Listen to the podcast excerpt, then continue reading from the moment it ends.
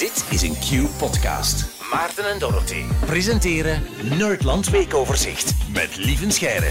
Dag Lieven, goedemorgen. Een goedemorgen. Ik zag op Instagram dat je vorige week in Londen zat, maar ik heb gemist waarom je daar was. Ah ja, ik, ik, met, met, met de trein en nog een keer onder de zee gereden, altijd spannend. Uh, ik had een, een redactievergadering voor QI. En uh, QI is een Brits panelprogramma, vroeger gepresenteerd door Stephen Fry. En dat is een beetje ja, de, de moeder aller panelprogramma's. Hè. QI staat voor Quite Interesting. En ja, ze vertellen gewoon altijd weetjes die quite interesting zijn. Ja, ja dat is echt een iconisch programma. Hoe, hoe raak je in die redactie? Ik ken de redactieleden nu, nu vrij goed sinds dat ik zelf science comedy in Engeland doe. Hè. Dus ik kom ze daar regelmatig tegen. Ze hebben ook een podcast, No Such Thing as a Fish.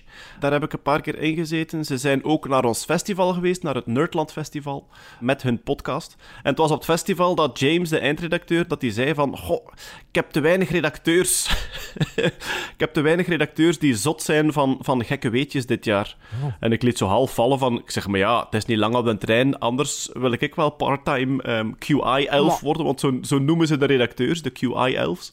En hij zei van, ah ja, dat is goed. Dus ik ben nu één dag per week QI-elf. Oh, mooi. Dus je gaat één dag per week over en weer? Nee, nee, nee. Ik werk van thuis. Ik ben nu twee keer naar daar geweest voor een redactievergadering, maar uh, voor de rest is het van thuis. Ja. Oh, zo tof. Oh, mooi. Ja, ik vind het heel tof om te doen. Ja, zeker wel. Het Nerdland Weekoverzicht. Waar gaan we het deze week over hebben, lieven? Aha. Eh, stel dat er een misdaad gepleegd wordt en er wordt DNA gevonden maar dat is van een tweeling.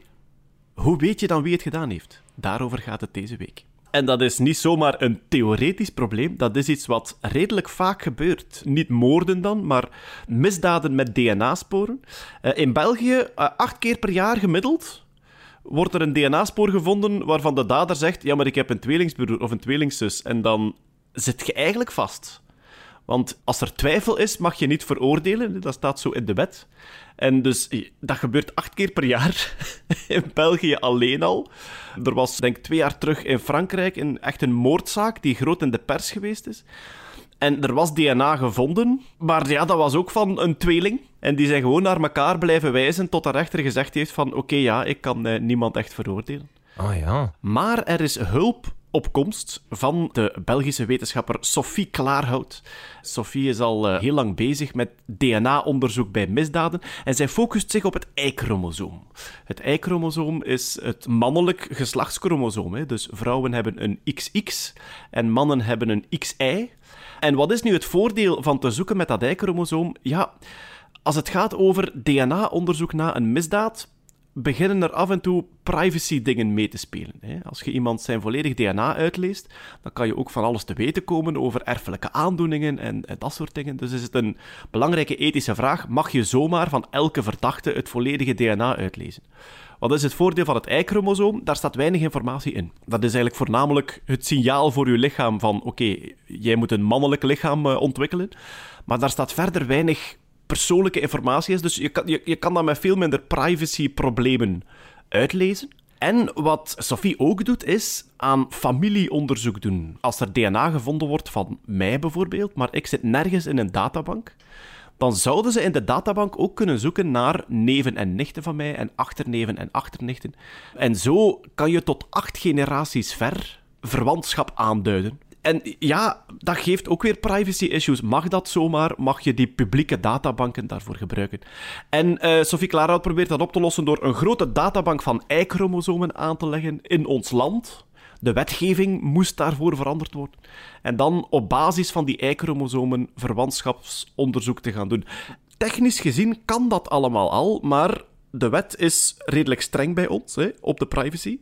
Mhm. Dus op dit moment ligt er redelijk veel DNA van niet opgeloste misdaden klaar, waarvan wij technisch gezien binnen de maand kunnen weten wie het gedaan heeft, maar wettelijk is het nog niet toegestaan. En haar nieuwste onderzoek nu gaat over tweelingen. Want tussen het DNA van tweelingen kan er een heel klein verschil zijn. Alleen, je moet dan op zoek gaan naar vijf verschillende letters in een tekst van 3 miljard letters. Hè? 2 eh, miljard, denk ik, ja, voor het DNA. Dus dat is al heel lastig. En uh, Sophie zoekt nu naar technieken om die Y-chromosomen ook bij tweelingen uit elkaar te houden. Wat heeft ze daarvoor nodig? Tweelingen. Dus als je een uh, tweeling bent, dan kan je u opgeven bij csy-leuven.be.